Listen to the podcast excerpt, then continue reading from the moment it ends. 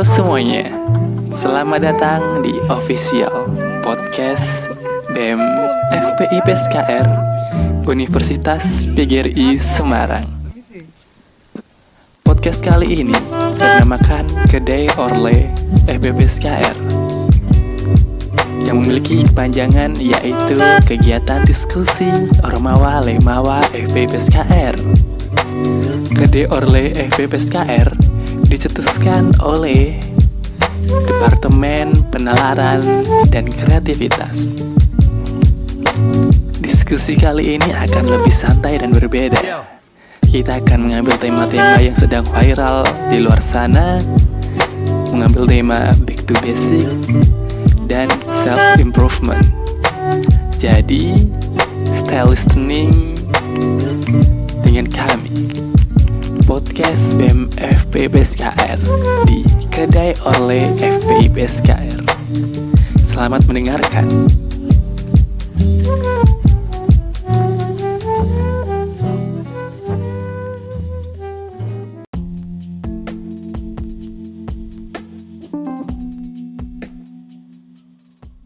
Halo teman-teman, selamat malam. Gimana kabar kalian hari ini? Tentunya sehat semua ya. Udah pada buka belum? Udah dong pastinya. Tapi bukanya nggak sambil mikirin doi yang lagi buka bareng gebetannya kan? Sakit berdarah ya. Tenang, chill. Daripada kalian mikirin dia yang nggak mikirin kalian, lebih baik kalian dengerin podcast dari BEM FPIP SKR. Oke, welcome back to Kedai Orle FPIP SKR. Kali ini dengan saya Nur Anissa Enon Raffi. Teman-teman, saat ini negeri kita tercinta sedang menghadapi pandemi COVID-19 yang sangat berbahaya. Dalam masa pandemik seperti ini, pasti semua kegiatan terkendala ya, baik perekonomian, pendidikan, dan lain sebagainya. Kan kita sebagai calon pendidik atau yang sudah menjadi seorang pendidik, kita harus tahu nih gimana caranya mempertahankan eksistensi pendidikan di tengah pandemik seperti ini.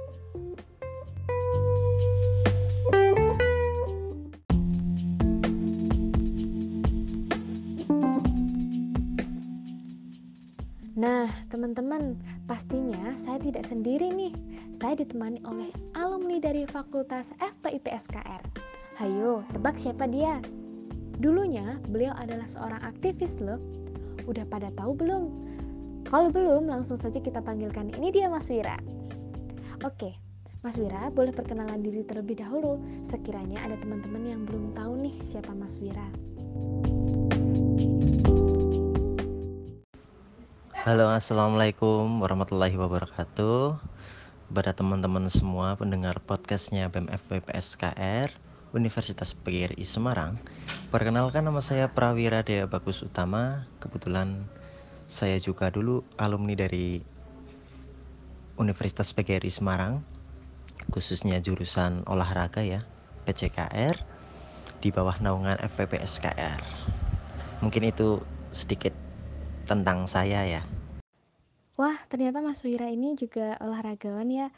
Hmm, boleh dibagi sedikit pengalamannya mengenai organisasi di kampus dong Mas, biar kita tuh bisa jadi aktivis kampus yang hebat. Bukan olahragawan juga sih, tetapi saya hobi olahraga, kebetulan menyukai beberapa olahraga dan berusaha untuk fokus terhadap olahraga tersebut untuk untuk belajar tentang bagaimana berorganisasi ya? Ya jalannya aja. Seneng enjoy di dalam organisasi organisasi tersebut ya. Semangat untuk belajar sinau kepada teman-teman jangan malu untuk bertanya jika tidak tahu. Yang penting adalah konsistensi untuk belajar di dalam organisasi tersebut. Jangan gampang menyerah lah kalau misalkan kita dapat tekanan dalam sebuah problem yang ada di dalam organisasi dan sebagainya. Karena kebanyakan kan dari teman-teman kadang cepat apa namanya depresi atau gampang menyerah dalam menghadapi problem-problem sehingga kalau ingin menjadi organisator yang baik ya kita harus tahan banting Nah, jadi gitu teman-teman tips dari Mas Wira uh, untuk menjadi aktivis yang hebat itu kita harus bersemangat dan pantang menyerah. Nah, sekarang Mas Wira ini kegiatannya apa ya? Udah kerja di mana? Ya, itu sekedar untuk sharing ya kepada teman-teman semua. Eh, bukan tips juga karena saya bukan orang yang terlalu pandai berorganisasi yang yang pasti modal saya hanya semangat dan mau belajar itu saja. Hmm, untuk masalah pekerjaan kebetulan saya masih bekerja di Tegal ini dan sedang sibuk merancang sama teman-teman sebuah komunitas kami di desa yang nantinya akan bergerak di bidang kesenian dan juga tentang kepemudaan di desa saya. Kebetulan juga didukung oleh pemerintah desa terkait bersama teman-teman. Cuman ada kendala sedikit karena kemarin ada fenomena yang sedang menggemparkan. Jadi ini untuk wadah yang secara formal belum terbentuk dengan baik. Jadi kita masih ala kadarnya. Oh ya Mas, mengenai kendala yang disebabkan oleh fenomena yang terjadi sekarang itu gimana sih Mas menurut pandangan Mas Wira mengenai wabah COVID-19 ini? Eh, ya, fenomena luar biasa itu kan terjadi di seluruh dunia ya yang dampaknya sangat meluas termasuk di Indonesia termasuk yang paling skup paling kecil yaitu di desa saya sampai bahkan keluarga saya itu sangat mempengaruhi. Jadi eh, beberapa agenda-agenda planning-planning yang sudah disusun sebelumnya eh, kita akhirnya ditunda terlebih dahulu. Bukan dibatalkan tapi ditunda untuk kebaikan bersama. Misalkan dalam rencana kita akan eh, melakukan musyawarah tahunan ya yang menghadirkan banyak pihak. Kita ditunda terlebih dahulu karena kita kalau misalkan untuk menggunakan yang berbagai berbasis teknologi untuk menentukan kebijakan-kebijakan di situ kiranya mungkin kurang efektif lebih enak untuk tetap muka gitu wah iya ya. Semoga pandemik ini cepat berlalu dan semua kegiatan bisa dilakukan dengan semestinya lagi dan semua program-program yang direncanakan oleh Mas Wira dan organisasinya juga bisa berjalan dengan semestinya lagi. Amin amin. Semoga cepat berlalu juga wabah COVID-19 ini dan kita bisa kembali beraktivitas normal seperti biasanya yang bekerja kembali bekerja yang sekolah kembali sekolah ya belajar semuanya normal kembali. Amin amin amin. Amin ya robbal alamin. Langsung saja ke pertanyaan ya mas. Mengenai tema kita pada malam hari ini yaitu mempertahankan eksistensi pendidikan di tengah pandemik seperti ini. Uh, nantinya akan ada beberapa pertanyaan nih yang kepengen saya ajukan kepada Mas Wira. Yang pertama, dengan adanya pandemi COVID-19 seperti ini, sebenarnya telah melumpuhkan sebagian sektor pendidikan kan ya Mas? Dalam artian menurunkan eksistensi pendidikan ketika semuanya harus serba online agar semuanya itu bisa berjalan. Tapi kan semuanya tidak mungkin bisa berjalan dengan semestinya. Bagaimana menurut pendapat Mas Wira dalam upaya mempertahankan eksistensi pendidikan di tengah pandemi COVID-19 agar terus berjalan? Hmm, oke oke oke. Sebelumnya saya tegaskan dulu bahwasanya semua jawaban saya ini bersifat relatif ya karena kebenaran itu kan sifatnya dinamis terus berubah dan terus diperbarui pasti nanti ada kebenaran-kebenaran yang lebih baru yang lebih akurat. Jadi semua jawaban saya jangan ditelan bulat-bulat. Jadi semua yang mendengarkan podcast ini bisa terus mencari data terus mencari wawasan yang lain. Bukan hanya narasi tunggal sehingga hmm, bisa menambah wawasan gitu. Kita berangkat dulu dari pendidikan ya.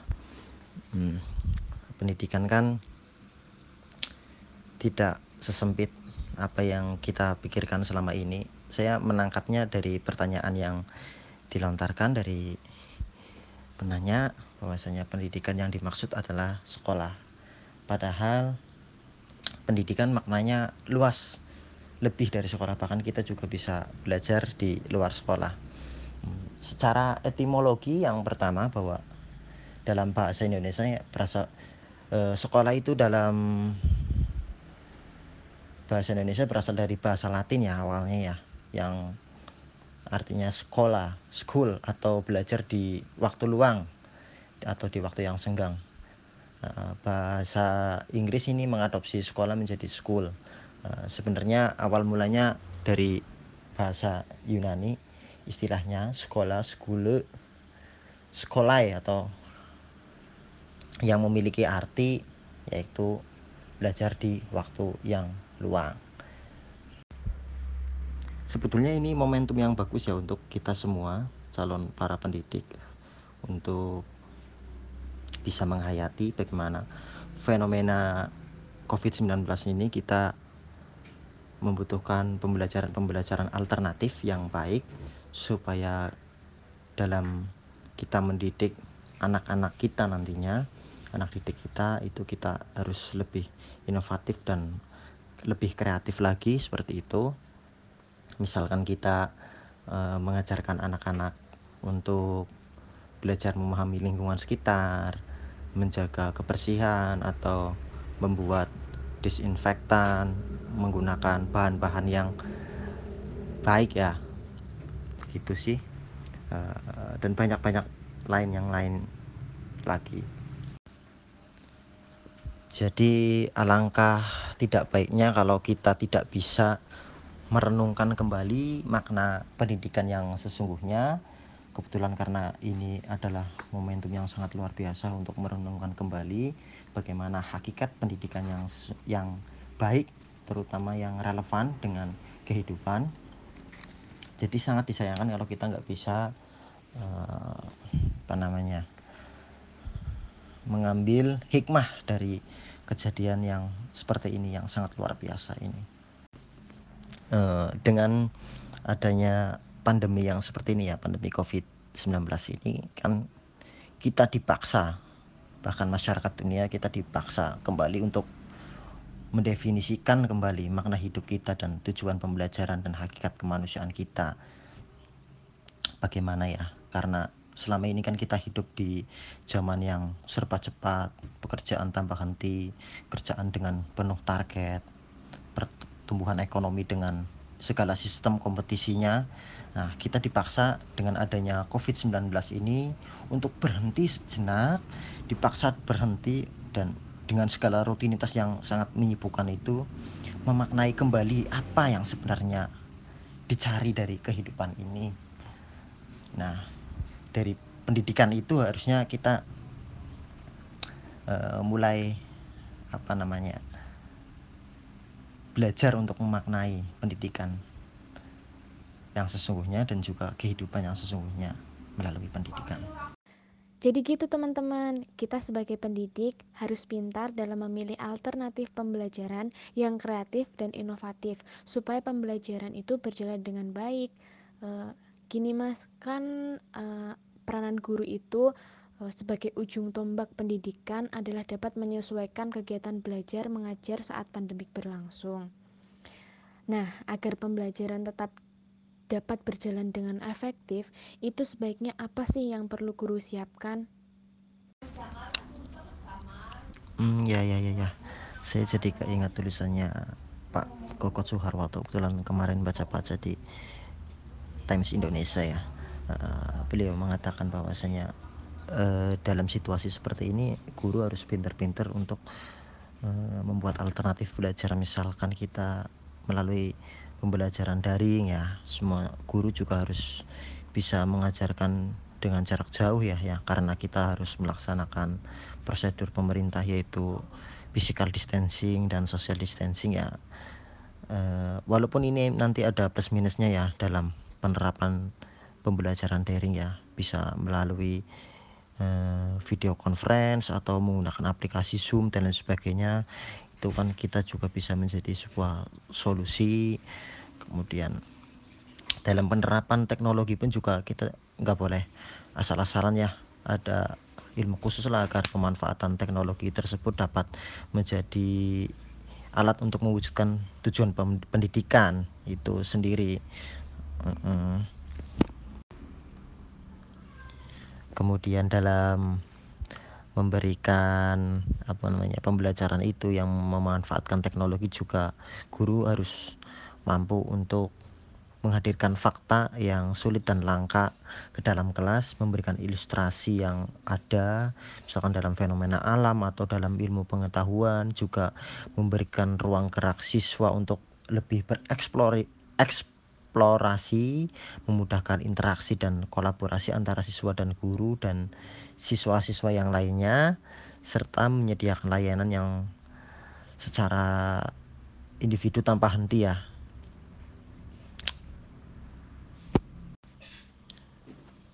Kemudian menurut saya juga ini menurut opini pribadi juga guru jangan membebani siswa untuk dengan tugas-tugas yang berat ya. Karena kita juga harus menyadari bahwasanya kita harus memikirkan orang tua juga yang mendampingi siswa-siswa di rumah.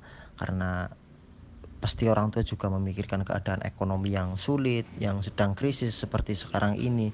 Sehingga kalau kita memberikan Eh, tugas-tugas yang memberatkan bagi anak maupun orang tua itu kan uh, nantinya kan bikin banyak tambah beban gitu. Jadi uh, yang penting siswa diajak bereksplor yang lebih banyak kemudian bisa memanfaatkan benda-benda di sekitar kita untuk belajar seperti itu. Misalkan kita hari ini kita mau belajar tentang hmm, kebersihan kita belajar bersih bagaimana anak Eh, bisa merapikan tempat tidur dengan baik sebagai tanggung jawabnya sebagai anak sebagai tanggung jawabnya dia yang dipasrai tempat tidur. Jadi bagaimana merawat tempat tidur itu dengan baik itu juga termasuk sebagai pembelajaran juga ya. Dalam pandemi ini kan semuanya menjadi efek kejut ya bagi semua ya. E, karena e, adanya pandemi ini kan merubah secara drastis ya. Sehingga muncul istilah istilah-istilah namanya new normal atau dan lain sebagainya. Sebetulnya perubahan-perubahan itu selalu ada setiap harinya cuman sebelum ada pandemik ini kan perubahan itu berjalan secara perlahan bertahap. Ibarat kata kalau kita e, renang atau berendam di air panas gitu air hangat itu dulu sebelum ada pandemik itu kita berendam dengan air yang suhunya misalkan 2 derajat kemudian dinaikkan lagi 2 derajat dinaikkan lagi 2 derajat terus bertahan. Itu nanti sampai matang kita nggak terasa karena suhu kita menyesuaikan ya. Nah, tapi kalau sekarang dengan adanya pandemik ini kan kita kaget ya. Kayak kita belum apa-apa langsung mandi di suhu air yang 50 derajat pasti kita kita langsung loncat. Karena itu ada perubahan suhu suhu yang sangat drastis. Tadi kita harus bisa beradaptasi dengan adanya hal-hal seperti itu. Uh, jadi ini perubahan yang sangat besar dalam dunia pendidikan ya dan kehidupan pada umumnya seperti itu. Tentunya dalam dunia pendidikan kan bukan hanya guru ya yang menjadi ujung tombak utama dalam pendidikannya. Orang tua juga termasuk sebagai ujung tombak dalam pendidikan juga karena kita kan hidup pertama kita belajar dari orang tua mulai dari belajar berbicara belajar uh, ngomong pertama bagaimana caranya ngomong ibu ngomong bapak dan sebagainya itu kan pertama dari orang tua. Dan tak lupa juga kita uh, belajar kepada masyarakat bagaimana kita bermasyarakat dengan baik. Itu kan juga media untuk kita belajar ya. E, mungkin e, ada beberapa solusi bagaimana ke depannya pasca ada covid ini. Sekolah bisa bersinergi dalam melakukan pendidikan kepada anak-anaknya kepada anak-anaknya e, jadi sekolah menjalin hubungan yang baik antara dengan orang tua kemudian dengan masyarakat sehingga terbangun komunitas pendidikan yang secara lebih luas gitu. Jadi bukan hanya kita sebagai orang tua atau bagaimana e, sebagai orang tua kita pasrah jongkrok saja kepada sekolah ini titip saya anak saya di sekolah nanti pulang-pulang pinter dan sebagainya. Enggak seperti itu. E, tapi kolaborasi antara sekolah dengan orang tua dan masyarakat juga penting. Itu nantinya akan membentuk sebuah komunitas yang baik untuk belajar bersama. Karena nantinya kan ending dari kita belajar kita bersekolah kan nanti kita akan berterjun terjun di masyarakat gitu. Hmm, iya ya. Gini nih Mas, kan semisal memanfaatkan benda di sekitar untuk belajar mengenai kebersihan dan lain sebagainya itu, kan siswa belajar mengenai sikap kita harus menjaga kebersihan karena kan kebersihan sebagian dari iman. Nah, gimana dengan pembelajaran di bidang akademisnya, Mas? Dan gimana cara membangun interaksi serta kolaborasi sedangkan kalau pembelajaran daring itu ada siswa yang hanya absen kemudian tidak memperhatikan dan lain sebagainya. Uh, yang terpenting dari pendidikan yang di masa sekarang ini adalah kita harus belajar yang inti dari esensi dari pembelajaran itu apa kayak gitu. Misalkan karena ini sedang digencarkan pendidikan karakter gitu yang dicanangkan oleh presiden. Nah kita fokuskan terlebih dahulu misalkan di bagian itu bagaimana membentuk karakter anak yang baik seperti itu. Yang bisa bekerja sama. Karena kan eh, dia bukannya mengkritisi atau bagaimana ya sekolah umum pada sekolah-sekolah umum ya terutama ya yang formal itu kan kita selalu diajarkan persaingan selalu diajarkan bagaimana mengalahkan satu dengan yang lainnya ada ranking dan lain sebagainya. Itu kan eh, kita sebenarnya dipaksa belajar untuk mengalahkan satu dengan yang lain secara tidak langsung sebetulnya seperti itu. Untuk untuk masalah anak-anak yang misalkan di daring misalkan absen tetapi tidak mendengarkan itu kan ada sesuatu hal yang salah yang kita sampaikan. Bukan salah atau mungkin kurang menyenangkan bagi anak-anak atau siswa ya eh, apa yang disampaikan kurang menyenangkan sehingga kan anak kurang antusias gitu. Atau mungkin kita bikin kesepakatan setiap rombel misalkan setiap kelas ya. Di kelas itu kita rombel anak-anak diajak diskusi bersama diajak rembukan bareng. Hari ini kita akan belajar apa? Sesuai keinginan mereka. Mereka semua teman itu kita melalui daring ya. Kumpulan orang tua atau apa bisa melalui WhatsApp atau apa itu ditanya anak-anaknya. Kira-kira hari ini mau belajar apa kita? Mereka menentukan sendiri apa yang akan dipelajari hari itu sehingga itu sudah menjadi kesepakatan bersama dan itu kan menjadi tanggung jawab dari anak-anak tersebut untuk mengikuti pelajaran yang baik. Dan guru juga menyampaikannya juga harus dengan menyenangkan. Misalnya dalam bidang hal akademis ya misalkan anak-anak mau belajar mengenai ekonomi ya karena dalam keterbatasan seperti ini misalkan dalam bidang ekonomi eh, kita juga bisa mengelaborasikan dengan tempat di situ ya yang potensial entah itu di desanya atau di kotanya yang Nah, biasanya kan ada kampung-kampung yang menonjol kayak dalam hal kerajinan atau kuliner atau apa pun dan lain sebagainya. Itu anak-anak bisa diajak belajarlah bagaimana mengelola makanan dengan baik atau kerajinan dengan baik kemudian dampak impactnya untuk penjualan seperti apa caranya pemasaran seperti apa itu kan secara tidak langsung kita belajar ekonomi bahkan itu kita belajar secara real langsung terhadap apa yang dialami di lapangan gitu. Atau misalkan kita mau belajar biologi gitu kita bisa memanfaatkan eh, lahan-lahan di sekitar rumah kita ya untuk misalkan menanam pohon cabai atau apa kita belajar untuk menganalisis eh, seberapa lama sih dari benih dari misalkan dari biji cabai kemudian kita keringkan kita jemur kemudian kita semai itu berapa prosesnya berapa lama dengan kadar air seberapa itu kan sama juga kita belajar biologi ya.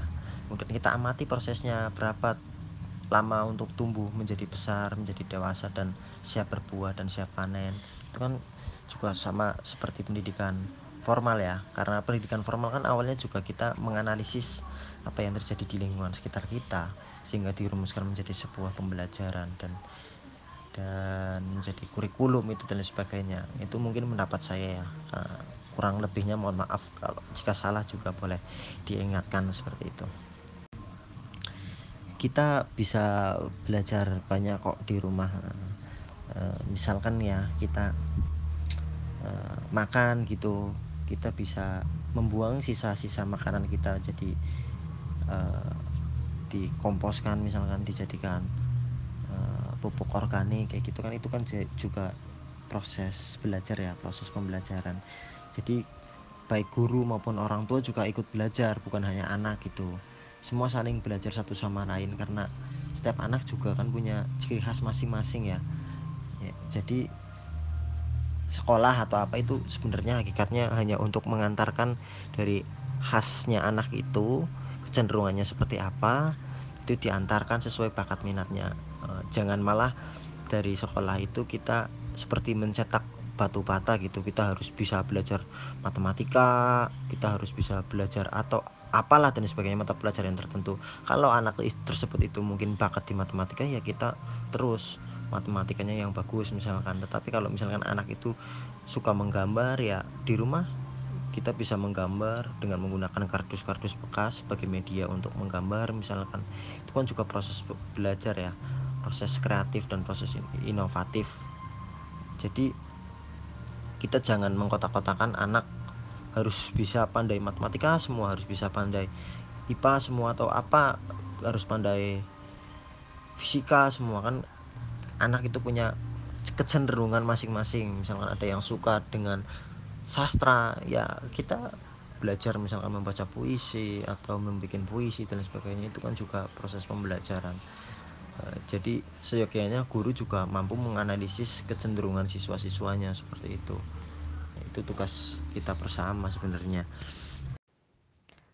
Wah, jadi seperti menanamkan jiwa kompetitif uh, dan aktif siswa agar mampu untuk mendapat pembelajaran secara nyata ya mas.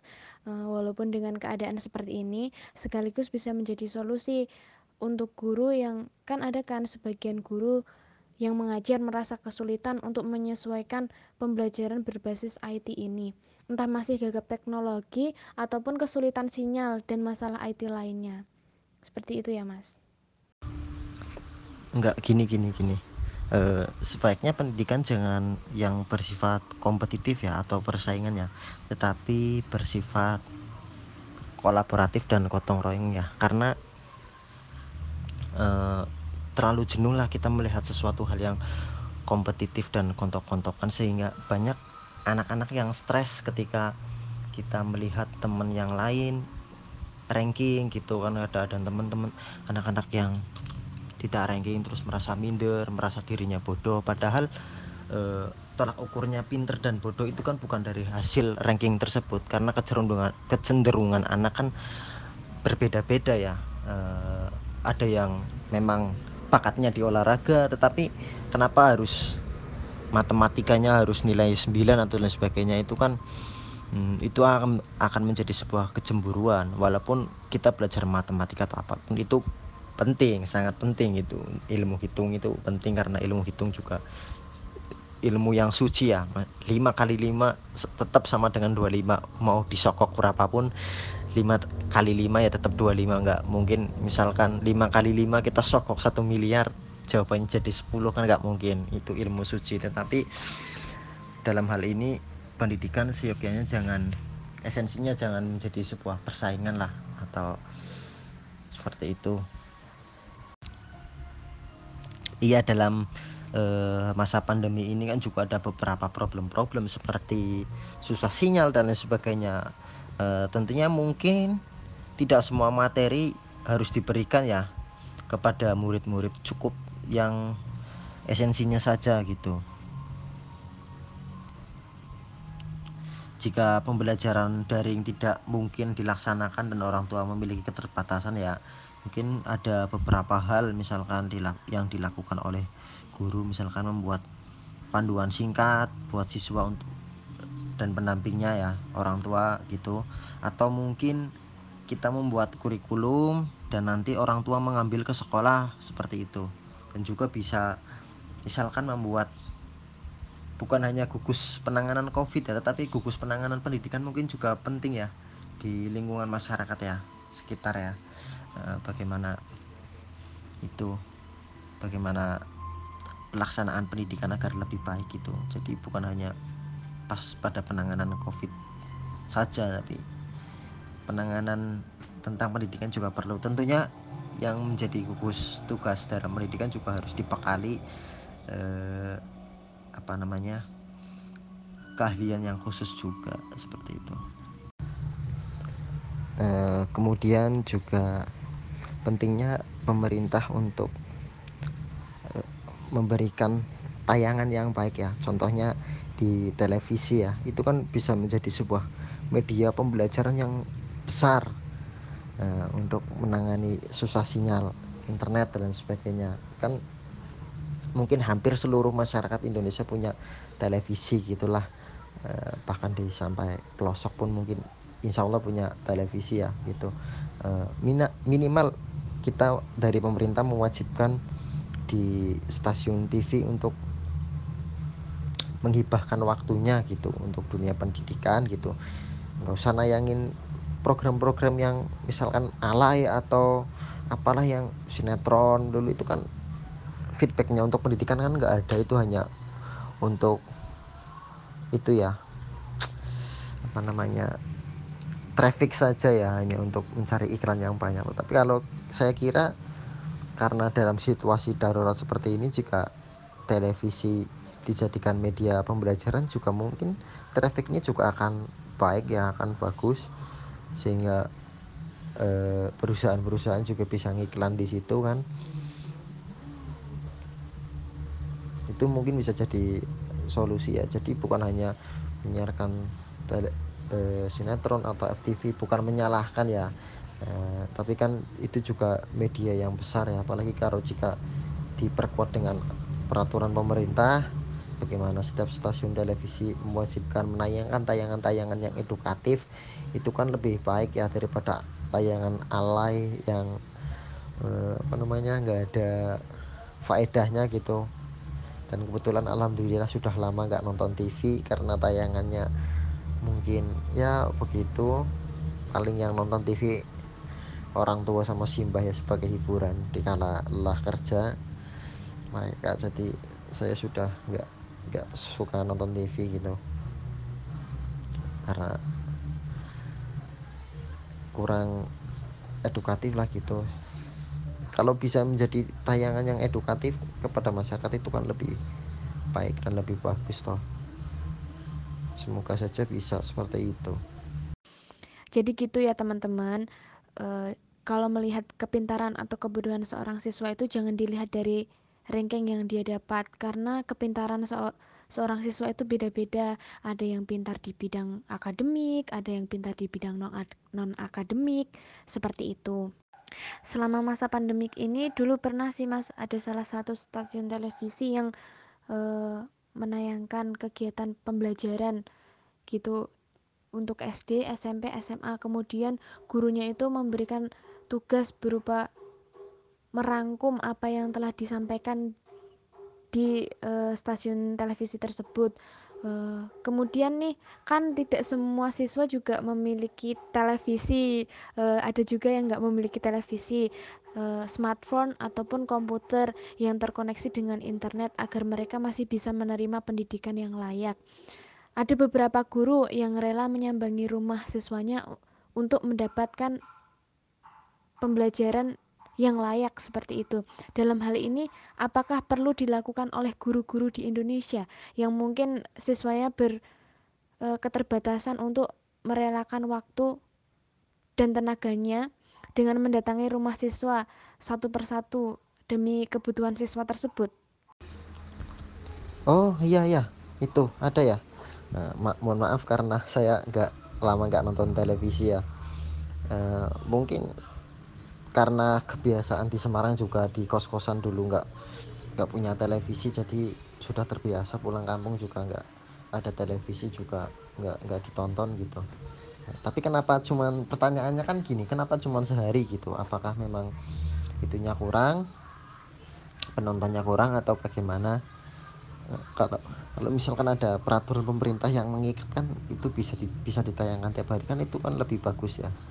Eh, masa setiap hari kita uh, dari televisi menghasilkan uang terus masa di masa yang seperti ini dengan krisis seperti ini selama dua bulan ini masa cuman di bahkan waktunya untuk cuman sehari. Kan gimana ya? Kan tetap dari produk-produk juga mau tidak mau kan tetap akan promosi di televisi gitu kan untuk guru yang mendatangi siswa itu sangat bagus sekali ya. Eh, atau misalkan kalau memang memungkinkan tidak masalah tetapi harus sesuai prosedur kesehatan yang baik juga karena e, dalam perjalanan untuk mendatangi ke rumah ke rumah juga itu kan ada resiko tertular mungkin bertemu dengan orang atau apa dan sebagainya. Jadi kalau memang memungkinkan tidak masalah seperti asalkan tetap menjaga protokol kesehatan misalkan e, menggunakan masker kemudian cuci tangan sebelum masuk ke rumah dan sebagainya.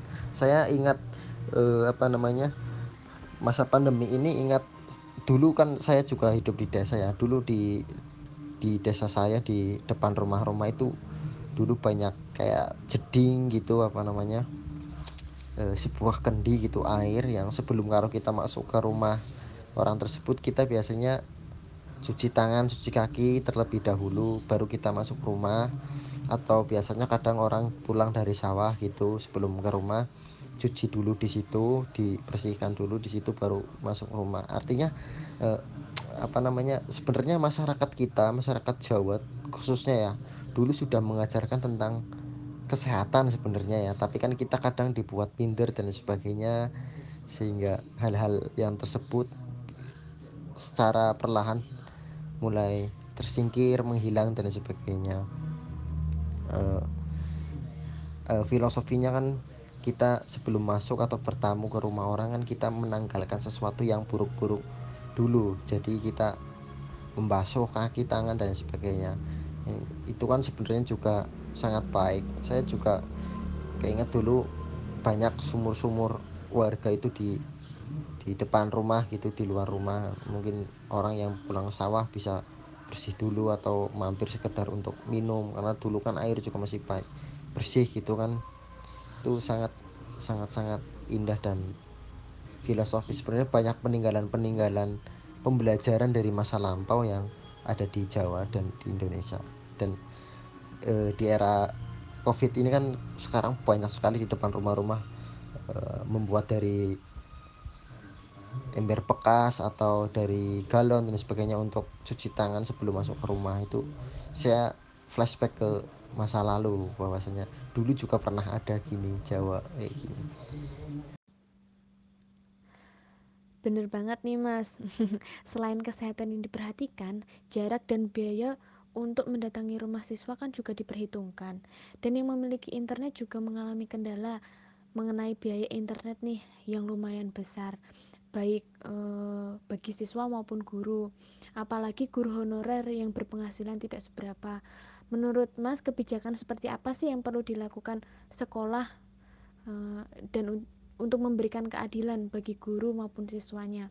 Lalu apakah guru juga menjadi perhatian khusus oleh pemerintah karena kan tahu sendiri ya Mas, melihat guru itu merupakan faktor penting dalam pembelajaran e, berjalannya pendidikan pada situasi seperti ini. Membahas tentang guru honorer kan itu isu yang sudah sangat lama dan sangat empuk ya untuk dibicarakan ya sangat hangat terus dan kalau masih seperti ini ya terus akan didengung-dengungkan ya mengenai guru honorer yang gajinya sedikit dan sebagainya. Hmm, analisis goblok saya seperti ini nih. Misalkan kalau guru honorer ya gajinya sebulan 200 300 besar-besar 500 ribu kayak gitu ya. Kalau di sekolah-sekolah ya bagaimana mau mencukupi kehidupan sehari-hari ya? Atau kita bisa konsen kepada eh, murid-murid eh, kita atau siswa-siswa kita walaupun memang menjadi guru itu kan eh, kata dulu kan kita sering dengar bahwa guru itu pahlawan tanpa tanda jasa. Ya bukan seperti itu menggampangkan bahwa agar dapat guru gaji kecil e, bukan segampang itu ya. Karena kan guru juga butuh makan butuh apa namanya transportasi seperti yang kamu bilang biaya internet dan sebagainya. Minimal kita punya gaji yang layak lah untuk guru supaya kita kalau gini ya kalau kita gaji aja tidak cukup untuk makan sebulan bagaimana kita bisa konsen konsen untuk eh, apa namanya mendidik dengan baik gitu? Orang kita pulang saja kita bingung mau makan apa gitu seperti itu ya. Secara kasarnya gitu masa kita harus ketergantungan kepada orang tua terus? Kan kita juga nggak enak kan kayak gitu. Nah, walaupun kita juga bisa alternatif alternatif lain sebagai guru misalnya kita punya kerjaan sampingan dan sebagainya. Tapi kan e, kerjaan-kerjaan sampingan itu kan menjadikan kita jadi guru yang tidak fokus gitu terhadap hasil pembelajaran kepada siswa-siswa gitu. Kalau misalkan anggaran untuk pendidikan itu gaji guru lebih ditingkatkan kan? Kemungkinan juga apa namanya aware guru ke murid kan lebih tinggi karena kita sudah nggak memikirkan lagi nih e, dampak ekonomi kita. Misalkan makan kita udah beres lah kita bisa nabung sedikit-sedikit kita bisa nabung itu kan kita bisa konsen gitu dalam mendidik kepada anak-anak gitu kita bisa serius. Kalau masih sedikit ya mohon maaf e, apabila pendidikan kita masih rendah seperti ini ya. E, masih jauh terhadap Finlandia yang katanya sekarang pendidikannya nomor satu. Bahkan menjadi untuk menjadi guru sekolah dasar pun di Finlandia harus magister ya S2 ya. Karena di magister, eh, di sekolah dasar kan itu juga sangat fundamental ya dasar anak ke depannya itu seperti apa kan dididik dari sekolah dasar itu. Sehingga di sana harus selektif gurunya bahkan sampai S2 gitu. Iya sih mas bener. Gini kalau uh, tadi kan menyinggung sekolah dasar ya. Eh, adik-adik kita yang masih SD itu kan merupakan generasi muda tunas bangsa yang seharusnya dia menerima pembelajaran secara maksimal melalui tatap muka dengan guru misalnya. Sedangkan pada masa pandemik seperti ini kan mereka menganggap bahwa sekolah itu sedang diliburkan saking jarangnya guru memberikan tugas pada saat ini gitu. Karena adik saya tuh juga kayak tiap hari tuh nggak ada tugas gitu uh, buat ngerjain atau buat baca sekedar baca-baca itu juga enggak karena kalau ditanya emang kamu nggak punya tugas? kayak gitu tuh. Enggak orang nggak ada tugas kayak gitu-gitu loh. Terus bagaimana untuk mempertahankan eksistensi pendidikan uh, khususnya bagi anak sekolah dasar mas nah mengenai pendidikan sekolah dasar ya itu pentingnya tadi apa ya saya bicarakan sebelumnya yaitu pentingnya antara sinergitas antara sekolah kemudian orang tua dan e, masyarakat ya sehingga terjalin sebuah komunitas yang baik dalam bidang pendidikan atau pembelajarannya misalkan kita bisa kok kita belajar e, pendidikan di rumah misalkan kita membuat riset mandiri gitu untuk anak-anak ya. Ya tentunya kita risetnya tidak seperti riset seperti yang anak kuliah gitu ya. Anak kuliah kan misalkan risetnya yang ada di sekitar kita misalkan seperti itu. Misalkan kita eh, orang tua kita sebagai penjual atau suka masak atau misalkan kita memasak bolu kukus atau memancing di laut atau kita main apa namanya bulu tangkis dan sebagainya itu kita bisa riset. Nah, misalkan kita mau riset tentang ikan gitu. Itu kita bisa riset bagaimana mengklasifikasikan ikan misalkan ikan lele. Ikan lele itu jenisnya apa? Misalkan ikan konsumsi atau ikan hias.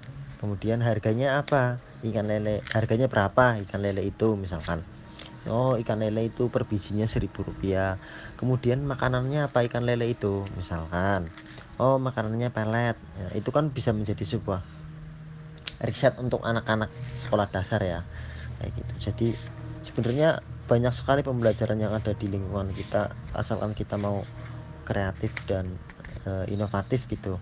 E, kalau guru-guru SD mau ya sebenarnya bisa sekali lah itu kalau misalkan eh, apa namanya anak-anak menganggap liburan kan karena mungkin belum ada kurikulum ya di SD situ ya mengenai bagaimana apa namanya eh, dengan adanya dampak ini ya sehingga belum ada kurikulum yang jelas dan baku.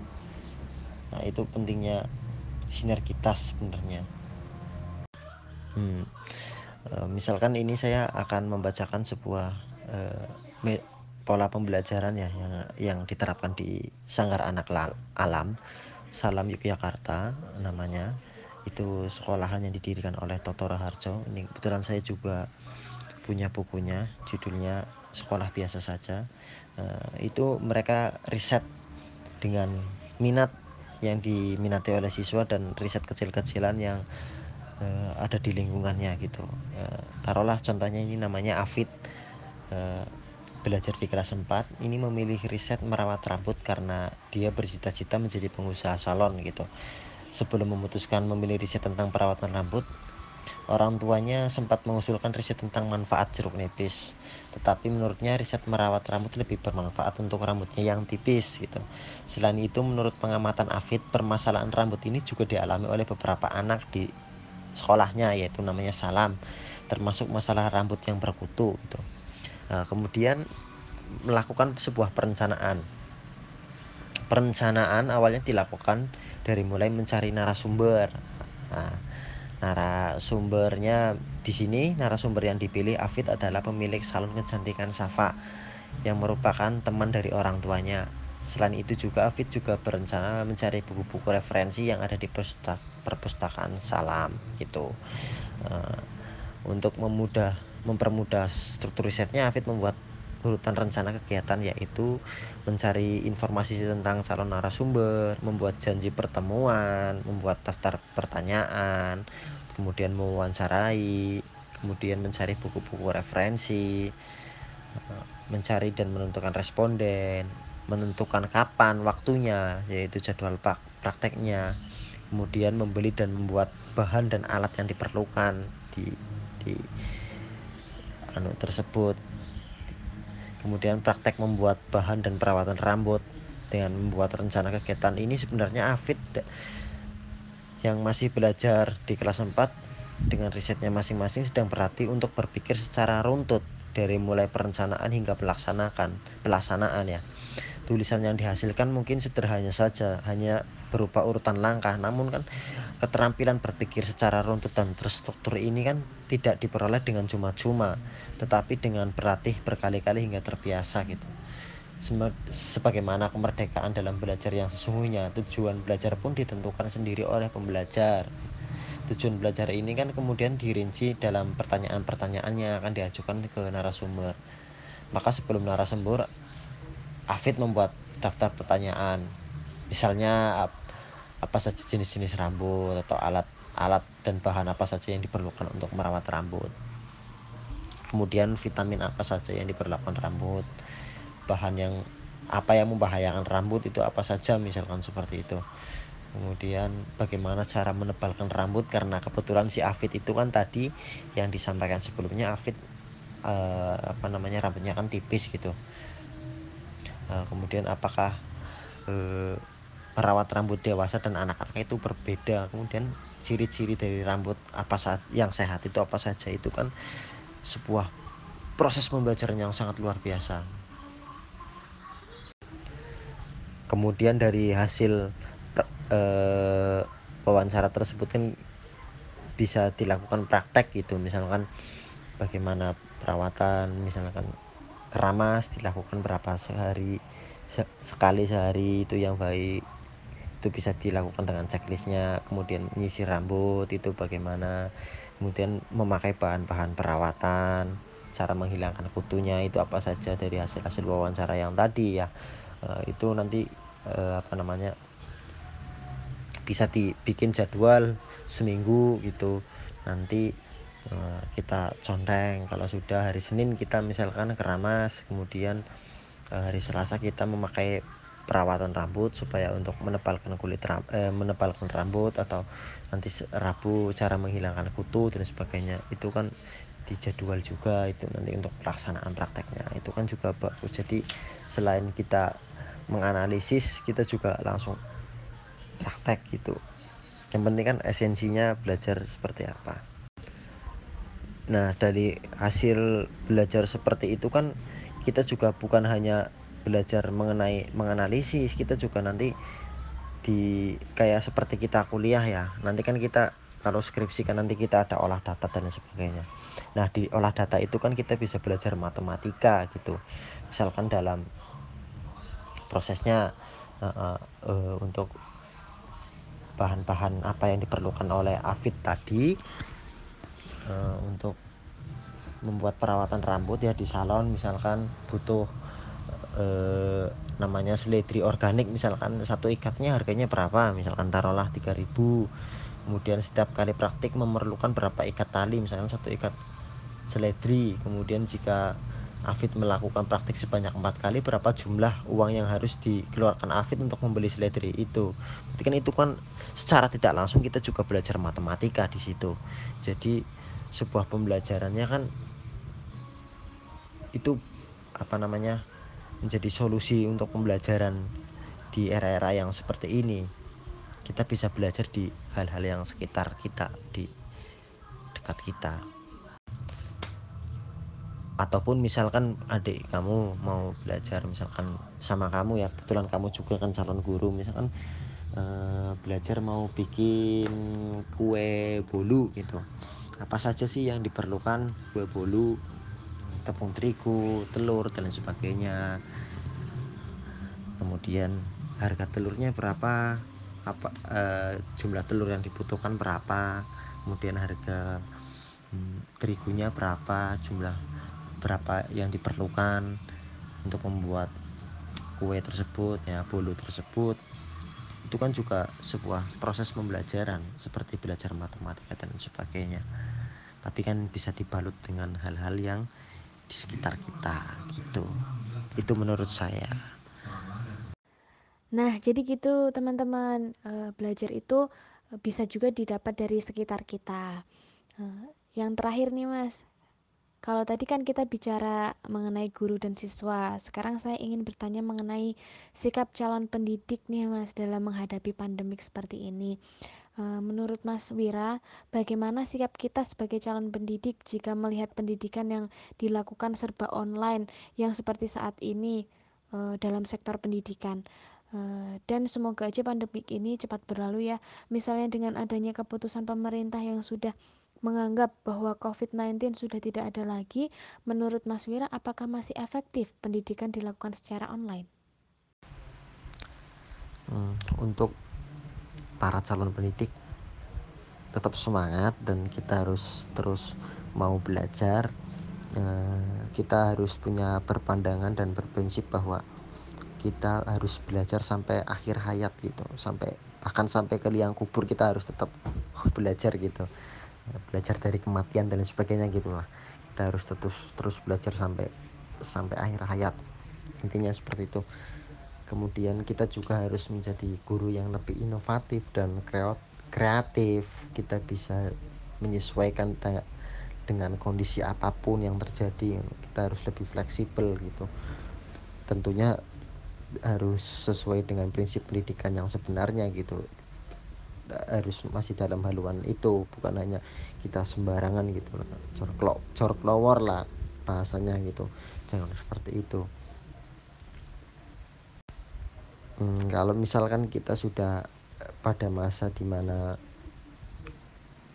masa pandemi ini sudah berakhir gitu pemerintah juga sudah uh, memerintahkan untuk semua berjalan kembali normal uh, pendidikan yang sangat baik itu sebenarnya kita harus bertatap muka langsung ya uh, untuk yang daring-daring itu misalkan itu hanya tambahan saja lah. Karena kalau kita bertatap langsung kan kita bisa merasakan sebuah kasih dan sayang gitu secara langsung. E, misalkan dalam pelajaran ketika murid salah atau siswa salah kita bisa langsung e, memberitahu atau bagaimana. Kan kalau kita dalam ketemu langsung kan enak kita bisa menyentuhnya kita bisa mengusap kepalanya dan sebagainya. Itu kan bagian dari kasih sayang yang tidak bisa di kita dapatkan ketika daring gitu. Karena daring kan eh, sentuhannya beda gitu ketika kita tetap langsung. Kayak kamu kalau pacaran gimana sih? Misalkan ketemu langsung sama video call kan beda loh enakan ketemu langsung. Kan seperti itu. Belajar juga seperti itu enak enak secara langsung bukan bukan hanya secara daring saja. Saya kira itu saja sih. Eh, mohon maaf apabila eh, jawabannya kurang memuaskan bagi teman-teman semua atau mungkin ada yang keliru boleh bisa dibenarkan karena saya juga masih belajar kita belajar bersama dan jadi saling mengingatkan juga baik. Mungkin itu saja. Terima kasih kepada PMFP SKR atas eh, wawancaranya yang bikin saya pusing juga ini sebenarnya. Nah, pertanyaannya bagus-bagus sekali. Terima kasih kepada semuanya. Assalamualaikum warahmatullahi wabarakatuh. Baik Mas, terima kasih uh, sudah meluangkan waktunya untuk menjawab semua pertanyaannya. Uh, semoga jawaban dari Mas Wira itu bermanfaat bagi kita semua, terutama untuk mahasiswa FPIP SKR. Terima kasih. Wassalamualaikum warahmatullahi wabarakatuh. Oke, jadi kesimpulan yang dapat kita ambil dari tema diskusi kita pada malam hari ini adalah dalam kondisi seperti ini, kita sebagai calon pendidik dapat belajar bagaimana pembelajaran yang baik, walaupun dalam kondisi yang hmm, bisa dikatakan mengganggu pendidikan. Uh, kita tetap melaksanakan pendidikan kepada siswa agar pembelajaran dapat berjalan dengan baik dan efektif bagi siswa. Uh, di sini uh, pendidik itu tidak harus membebani siswa juga dengan tugas-tugas yang mungkin membuat siswa itu sangat stres dengan tugasnya karena di sini juga melibatkan orang tua untuk membantu tugas tersebut. Hmm, dalam kondisi seperti ini juga mungkin banyak beberapa kendala melalui hmm, suasana sinyal atau uh, masalah fasilitas seperti handphone dan lain-lain. Mungkin guru tidak harus memberikan seluruh materi, akan tetapi hanya memberikan asensinya saja kepada siswa. Apabila pembelajaran daring tidak efektif, mungkin dapat dibuat panduan singkat untuk siswa dan pendampingnya, yaitu orang tua. Gugus penanganan pendidikan juga penting, bukan hanya gugus penanganan COVID dalam masyarakat. Pendidikan juga tidak seharusnya bersifat kompetitif atau persaingan, tetapi bersifat kolaboratif dan gotong royong. Karena banyak siswa yang stres atau malas belajar, minder karena tidak pernah mendapatkan ranking dan tidak mm, banyak tuntutan kepada siswa untuk para calon pendidik agar terus bersemangat.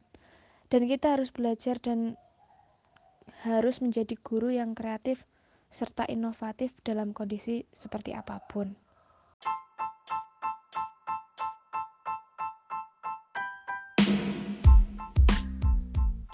Oke, terima kasih kepada Mas Wira yang sudah bersedia menjadi narasumber kita pada diskusi malam hari ini. Saya Anissa, perwakilan dari BEM FPIP SKR mengucapkan minal aidin wal faizin, mohon maaf lahir dan batin. Lebarannya di rumah aja, maaf-maafannya lewat online aja ya, kan lagi nggak boleh datang ke rumah. Yang mau kirim nastar, boleh nih, kirim ke rumah. Bercanda guys. Oke, saya Anissa dan Mas Wira pamit undur diri. Sampai ketemu di diskusi-diskusi menarik dan edukatif lainnya ya. Mohon maaf bila ada salah-salah kata. Selamat malam semuanya. Bye.